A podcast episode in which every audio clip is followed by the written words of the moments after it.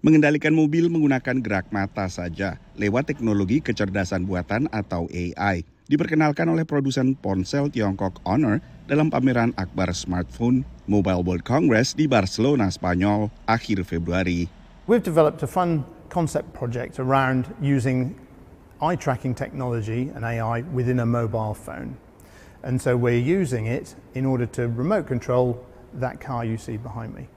And so the user will look at the phone and the phone will receive that eye gaze and then execute the command that's been requested on the car. Book me a flight from Barcelona to Frankfurt for Thursday for two people. Sementara perusahaan telekomunikasi Jerman Deutsche Telekom meluncurkan teknologi ponsel tanpa aplikasi, memanfaatkan AI untuk fitur-fitur yang sebelumnya harus diakses lewat sebuah app. It basically transforms how we interact with our devices in the future. It can accomplish tasks for you and it's much easier and more efficient than what you're doing today. It's more natural because it's based on voice commands and it actually gives all the information that you're looking for right to you.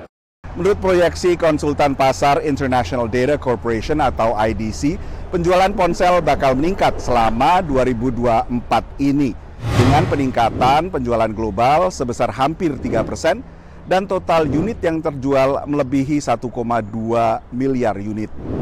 Ini perkembangan yang dinanti industri smartphone yang pemasukannya terhempas selama pandemi COVID dan sebelum pandemi pun telah mengalami kontraksi. It's really tough being a smartphone maker right now. The reality is that people are keeping their mobile phones for longer than ever. Our research at CCS Insight shows that on average in Europe, people are keeping their phones somewhere between three and a half and four years. People who are buying a new phone have an expectation that they'll keep it for maybe five years. What that means is that people aren't buying them as much, so not as many are being sold. But don't get too concerned because this is still a 1.2 billion unit business. It's huge, it's just not as good as it used to be.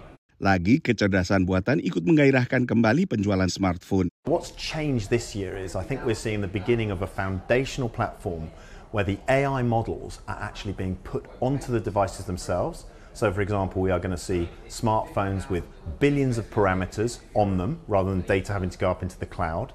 And in things like networks, the power is getting to the point where you can have things like self healing networks or self fault finding networks, or even using AI to do things like save power and other things to make them more energy efficient. Menurut IDC, sekitar 15 persen ponsel yang bakal terjual sepanjang tahun ini adalah ponsel berteknologi AI. Dari Washington DC, Nova Purwadi dan tim VOA.